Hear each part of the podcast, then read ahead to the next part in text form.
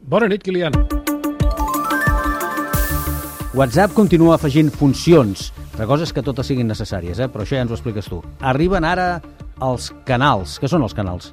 Doncs mira, fins ara a WhatsApp només et pots comunicar amb altres usuaris de manera individual o bé amb grups, però en, en els dos casos eh, aquests xats són bidireccionals, vull dir que o són converses d'un contra un o bé de tots contra tots.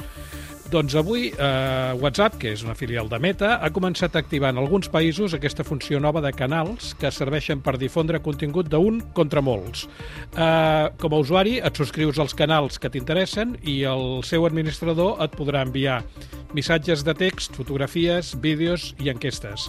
Uh, per tant, és ideal per a empreses, per marques, per organismes públics, per mitjans de comunicació o per autors que no busquin, en aquest cas, interactuar amb els seus seguidors, perquè en un canal els subscriptors no poden respondre el que reben.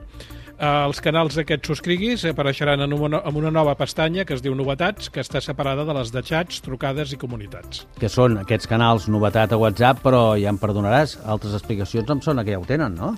Perdonat. Sense anar més lluny, fa anys que Telegram té canals i hi ha gent que els fa servir molt. Eh, també en tenen, eh, amb, alguna, amb, amb algunes variants, Instagram, que també és filial de Meta.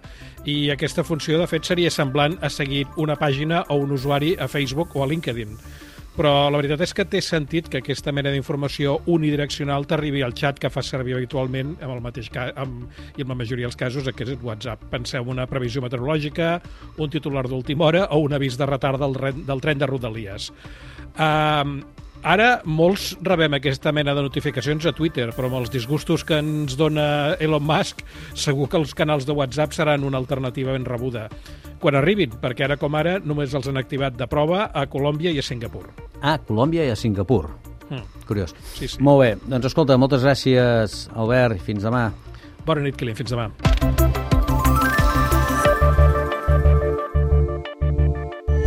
Eurecat, centre tecnològic de Catalunya. Innovant amb les empreses. Innovant amb tu.